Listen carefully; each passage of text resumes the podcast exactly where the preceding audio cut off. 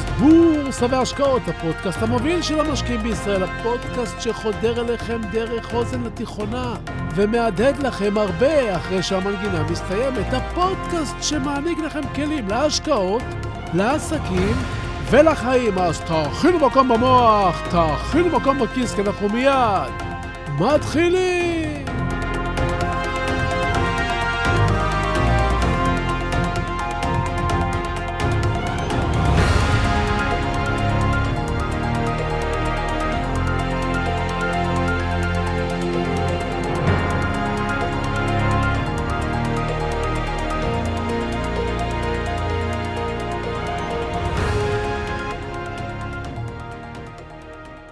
רובכם מכיר את הסיפור על פינוקיו. כשאומרים לכם פינוקיו, הדבר הראשון שעולה לכם בראש הוא בובת עץ ואף שגדל כשמשקרים. אנחנו יכולים לשמוע או לקרוא סיפור שלם, ובסופו של יום לצאת עם זיכרון של דבר אחד. אגב, מדוע אנחנו זוכרים בעיקר את האף של פינוקיו? כי זה משהו יוצא מגדר הרגיל האף הזה, שגדל כשמשקרים. אם אתם רוצים לזכור משהו, תמיד תקצינו אותו. אף אחד לא זוכר את האף של שלגיה, או של אלאדין, או של הארי פוטר, אבל את האף של פינוקיו כולם זוכרים. וגם את נעל הזכוכית של סינדרלה, ואת מנורת הקסמים של אלאדין. תמיד תמיד נזכור משהו יוצא מגדר הרגיל. לכן, אם אתם רוצים לזכור משהו, תקצינו אותו.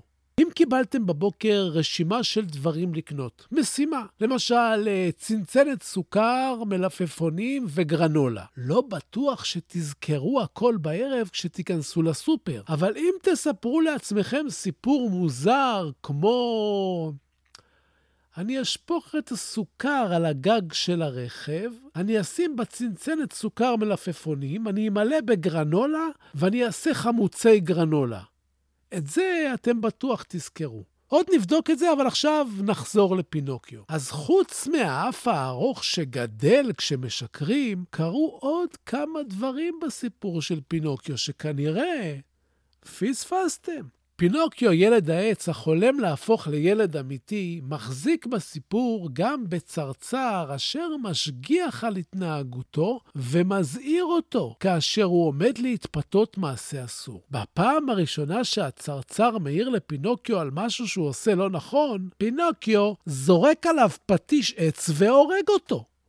נשמע אכזרי, אבל חלק לא קטן מאיתנו עושה את אותו דבר למי שמנסה לתת לו עצה, כמו לא לקנות מניות שמחירן מתחת לדולרים בודדים, או לא לנסות מסחר יומי, כי 90% מהמשקיעים החדשים מפסידים שם את כל הכסף בסוף, או אל תיסעו לחו"ל בחול המועד, ויש לחץ בשדה, וכדומה. כשאנחנו שומעים משהו שלא עולה בקנה אחד עם החלומות, או הרצונות, או מאוויים שלנו, קל לנו להשליך לעברו פטיש ולהרוג אותו. אבל בסיפור של פינוקיו, הצרצר חוזר מהמתים, ומופיע לאורך הסיפור כדמות המייעצת לפינוקיו כיצד להתנהג כמו ילד אמיתי. הצרצר מסביר לפינוקיו איך לנהוג כמו אדם, ומנסה לעזור לו לעשות את הדבר הנכון. אגב, שמו של הצרצר בסיפור הוא ג'ימיני קריקט. מקור שמו של ג'ימיני הצרצר, ג'ימיני קריקט, הוא בכלל ביטוי אנגלי מקובל המהווה לשון נקייה לשמו של ישו הנוצרי. הביטוי הנאמר על ידי הנוצרים בהתאם לאיסור התנ"כי שלהם לשאת את שם האל לשווא, ובהתאם לאמונתם באלוהותו של ישו. ראשי התיבות של השם ג'ימיני קריקט, J, C, זהים לראשי התיבות של Jesus Christ, ישו באנגלית. אני רק רוצה שתשימו לב כמה פרטים יש בסיפור הזה של פינוקיו שלא ידעתם בכלל, ומפה גם תבינו כמה פעמים אנחנו מתבוננים על משהו. חושבים שאנחנו מבינים אותו היטב, אבל בפועל, בפועל, אנחנו לא יודעים כמה אנחנו לא יודעים. שימו לב שכשמתמקדים בפרט אחד, בשורה אחת מפספסים הרבה פרטים וכישורים אחרים שעשויים להיות לא פחות מעניינים. נחזור לצרצר. לרובנו אין צרצר מיוחד כזה שמייעץ. אנחנו מפתחים לאורך השנים שיקול דעת ויכולת חשיבה ושיפוט בנוגע לפעולה ראויה בכל מצב נתון. היכולת הזאת אינה מולדת, אלא היא מתפתחת בד בבד עם התפתחות ההבנה העצמית והחברתית של האדם, ובעזרת ההנחיה שאנחנו מקבלים מהסביבה. בשלב מסוים נראה לנו שכושר השיפוט שלנו מושלם. אולי לא מושלם, אבל סופי. חושבים שסיימנו להבין את העולם. כשאנחנו מביטים מתוכנו החוצה, אנחנו חושבים שאנחנו שופטים את המצב בצורה מושלמת. אבל, יחד עם זאת, אנחנו נתקלים לא פעם במקלחת של מים צוננים כשאנחנו טועים. אנחנו טועים מול אנשים, אנחנו טועים מול פעולות, אנחנו טועים מול השקעות, ומשלמים על טעויות השיפוט שלנו. די בכך שניכנס לבית משפט ונבין שמתקיימים אלפי דיונים של אנשים שחוו אותה סיטואציה, שכל אחד מבין אותה אחרת. ואם לא די בשני הצדדים שרואים את הסיטואציה מזוויות שונות, מגיע גם שופט שלפעמים רואה דברים לגמרי אחרת. כלומר, אנחנו יכולים להבין שיכולת השיפוט שלנו תלויה באופיינו, בערכים שלנו, בסביבה בה גדלנו, בנורמות של החברה שלנו, ועוד הרבה דברים. בחלק די גדול אנחנו יכולים להסכים עם השיפוט, מה שנקרא חוכמת ההמון, לדוגמה, לא לעבור באור אדום או לא לגנוב למשל. אבל מה לגבי השיפוט שלנו בבחירת השקעות? תחשבו לרגע כמה נפלא זה היה אם היה לנו איזה ג'ימיני קריקט, איזה צרצר כזה שמזהיר אותנו מטעויות, או לפחות סט כלים לפיתוח מערכת שיפוט טובה יותר. זה מעניין אתכם? או, אז בדיוק על זה רציתי לדבר איתכם. שלום וברוכים הבאים לפודקאסט בורסה והשקעות, הפודקאסט המוביל של המשקיעים בישראל, והיום מדבר על המוח, על מחשבות, על פינוקיו, על השקעות, וכמובן עוד דברים של טלסת. אז תהיו ממוקדים, תכינו מקום במוח, תכינו מקום בכיס, כי אנחנו מיד ממשיכים!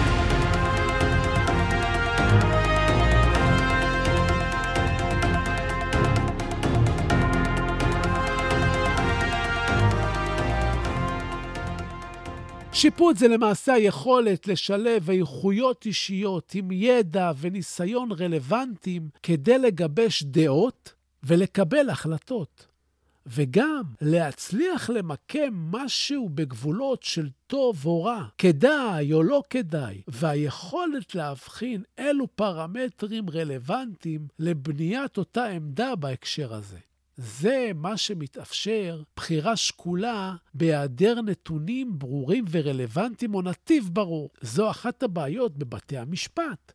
כשאתה מגיע עם תביעה ספציפית בנושא מסוים, שלשופט אין שום ידע בעניינו, זו כבר בעיה. זה גם הסיבה לכך שיש הרבה ערעורים וחוסר שביעות רצון, אבל אנחנו נעמיק על זה בפעם אחרת. ויחד עם זאת, יש הרבה החלטות טובות. ישנם אנשים רבים בעלי כושר שיפוט טוב, שאנחנו יכולים לסמוך עליהם, שהם יקבלו את ההחלטה הנכונה בזמן הנכון. מה דרוש לנו כדי לקבל החלטות טובות? הנה כמה נקודות למחשבה שאולי לא חשבתם עליהן. הדבר הראשון והחשוב שנחוץ כדי להיות בעל שיקול דעת טוב, הוא להיות מאזינים וקוראים טובים. אם אנחנו מסוגלים לשמוע ולהבין למה אנשים אחרים באמת מתכוונים, אנחנו מסוגלים לראות דפוסים וכוונות שאחרים לא מסוגלים להבחין בהם. ניסיון וקריאה ללמידה והאזנה טובה נותנים לנו יכולת לייצר הקבלות אנלוגיות שאחרים לא יכולים. כאשר אנחנו נתקלים בסיטואציה מסוימת שאנחנו יכולים להשוות אותה למשהו שקרה בעבר או שקראנו עליו, לשים לב לכל הרבדים ולמה שמתרחש בפועל, אנחנו יכולים לקבל החלטות נכונות יותר, גם בהשקעות וגם בחיים. הנקודה השנייה היא היכולת להיות ספקנים. אנשים עם שיקול דעת טוב הם ספקנים לגבי מידע שאינו הגיוני. כמה חשובה הספקנות? תשמעו מקרה. ב-26 בספטמבר 1983 היה סטניסלב פטרוב קצין תורן בבונקר סרפחוב 15 שליד מוסקבה. בבונקר הזה שכן מרכז הבקרה של מערכת ההתראה המוקדמת מפני טילים, או בשם הקוד שלה, אוקו. פטרוב היה אחראי להשגיח על רשת הלוויינים להתראה מוקדמת, ולהודיע לממונים עליו על מתקפת טילים קרבה על ברית המועצות. אם התקבלה אזהרה ממערכת ההתראה המוקדמת ששוגרו טילים לכיוונה של ברית המועצות, ההוראות היו ברורות. תגובה תגובה הייתה שיגור בהתראה, כלומר מתקפת תגובה גרעינית מיידית, וזאת כחלק ממדיניות ההשמדה ההדדית המובטחת. זמן קצר לאחר חצות התקבל דיווח מהמחשבים שבבונקר אודות תנועה של טיל בין-יבשתי אחד הנע מכיוון ארצות הברית לכיוונה של ברית המועצות. פטרוב סבור היה כי מדובר בשגיאה של המחשב, שכן במקרה של מתקפה מצידה של ארצות הברית, סביר היה כי היא תשגר מאות טילים בו זמנית. וזאת כדי למנוע מברית המועצות להשיב מתקפת נגד. יתר על כן, בעבר כבר עלו ספקות בנוגע למהימונותו של הלוויין, לוויין ההתראה. לאור הנימוקים האלה בחר פטרוב להתעלם מההתראה ופתר את כל העניין בהתראות שווא. למרות זאת, שמהדוח של האירוע לא ברור אם פטרוב הודיע לממונים עליו על ההתראה, או שהוא בחר להתעלם וגם לא להודיע לממונים עליו. מאוחר יותר, הצביעו המחשבים על ארבעה טילים נוספים, כולם מכוונים ישירות לברית המועצות. פטרוב המשיך לחשוד כי מדובר בכשל טכני במחשבים, וזאת אף על פי שלא היה לו בסיס מוכח לחשדות האלה. המקם הקרקעי הסובייטי לא יכול היה לגלות עצמים שהיו מעבר לאופק, והמתנה לזיהוי ודאי הייתה מובילה למצב בו תישארנה רק דקות ספורות לתגובה עד לנפילת הטילים. על פי הדוח שכתב פטרוב, הממונים עליו התכוננו בתגובה לשגר מתקפת נגד חפוזה כמו זו של האמריקאים, אך הוא התעקש כי מדובר בכשל טכני של מערכת ההתראה ובהתראת שווא. אכן, בשלב מאוחר יותר, כאשר אף טיל לא נחת, התברר כי פטרוב צדק בהבחנתו. בדיעבד התברר הכשל הטכני שהוביל להתראות השווא. הוא נבע ממערך נדיר של השתקפות אור השמש על עננים גבוהים, יחד עם מסלול הלוויינים. התקלה תוקנה מאוחר יותר באמצעות לוויין בעל מסלול ייחודי שציר הסיבוב שלו היה זהה לזה של כדור הארץ. דבר שמקבע את מיקומו יחסית לכדור הארץ ומבטל את התקלה. אם סטניסלב פטרוב לא היה ספקן, הוא לא היה בעל כושר שיפוט טוב. ואולי כולנו היינו מתעוררים או לא מתעוררים ב-28 לספטמבר 1983 למלחמה גרעינית. ספקנות, זה כל הסיפור. זו הייתה הנקודה השנייה. הנקודה השלישית היא ניתוק. היכולת להתנתק, הן מבחינה אינטלקטואלית והן מבחינה רגשית. ניתוק היא אפוא מרכיב חיוני בשיפוט טוב, אבל זו מיומנות שקשה לשלוט בה. כפי שהוכיחו מחקרים בכלכלה התנהגותית, פסיכולוגיה של השקעות ומדעי ההחלטות בשנים האחרונות. הטיות קוגנטיביות כגון עיגון, אישור וסלידה מסיכונים או תיאבון מסיכון מוגזם ושאר ההטיות, יש להן השפעות נרחבות בבחירות שאנשים עושים. בקורס הפסיכולוגיה של המשקיעים אני מדבר על ההטיות שלנו ועל הקשר שלהם לשוק ההון, על היכולת להתנתק מכל ההטיות הללו הופכות את המשקיע לבעל יכולת שיפוט בדרגה גבוהה מאוד בכל מה שקשור לשוק ההון, ולא רק.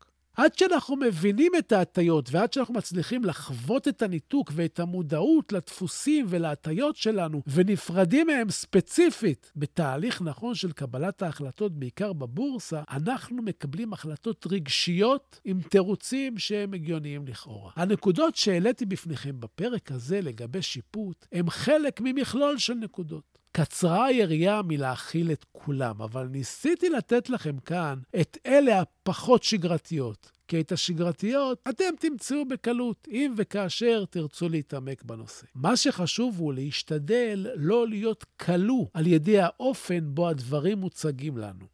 להטיל ספק, להתנתק וללמוד מניסיון העבר. אגב, מה עם רשימת הקניות לסופר הערב? אתם זוכרים מהם שלושת המרכיבים שביקשתי מכם לקנות? אם כן, אז בואו נעבור לפינת הטיפים שלנו.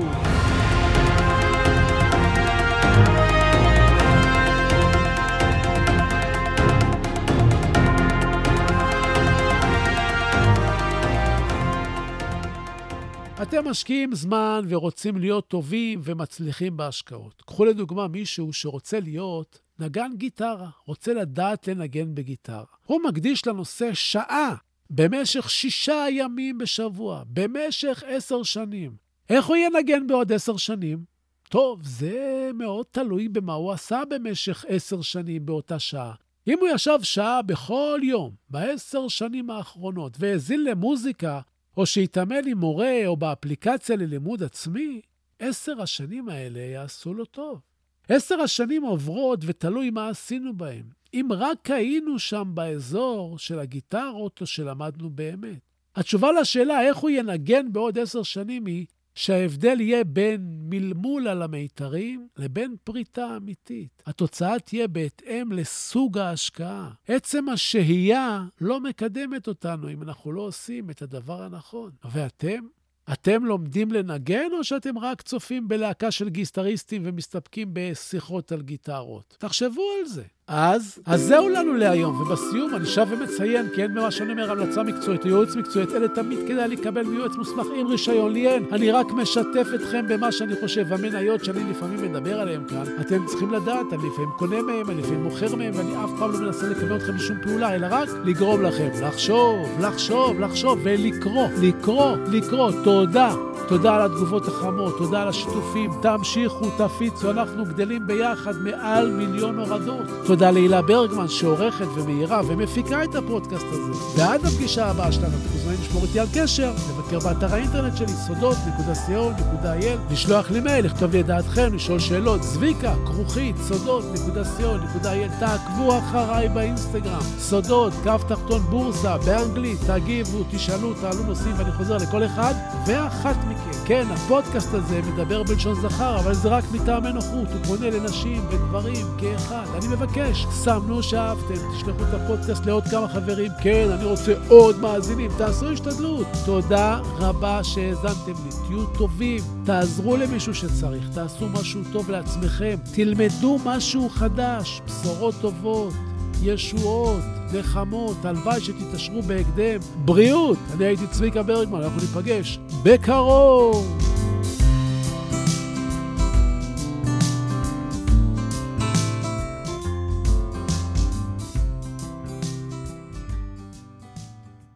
נאום ההכתרה של נלסון מנדלה. הפחד העמוק ביותר שלנו אינו מפני חוסר היכולת, הפחד העמוק ביותר שלנו היא הידיעה שעוצמתנו אינה ניתנת למדידה. האור ולא הצל, האפל שבנו, הוא שמעורר בנו חרדות. כל אחד מאיתנו שואל את עצמו, מי אני שאוכל להרשות לעצמי להיות כל כך מבריק, מקסים, מוכשר ומאושר? למעשה, מי אתה שתרשה לעצמך לא להיות כזה? אנחנו ילדים של אלוהים. כשאנחנו בוחרים לשחק את המשחק הקטן, אנחנו לא משרתים את העולם. אין שום דבר נאור או מואר בצמצום האישיות שלנו, רק כדי שאנשים ירגישו נוח בחברתנו. נולדנו כדי לממש את הקסם האלוהי הגדול בנו, הוא לא גלום רק בחלק מאיתנו. כל אחד מאיתנו נושא את הקסם הזה בתוכו. כאשר אנו מרשים לאור הפנימי שלנו לזרוח באופן בלתי מודע, אנו מאפשרים לאחרים לעשות את אותו דבר כאשר אנו משתחררים מהפחדים שלנו. הנוכחות שלנו משחררת אחרים. נלסון מנדלה, 1994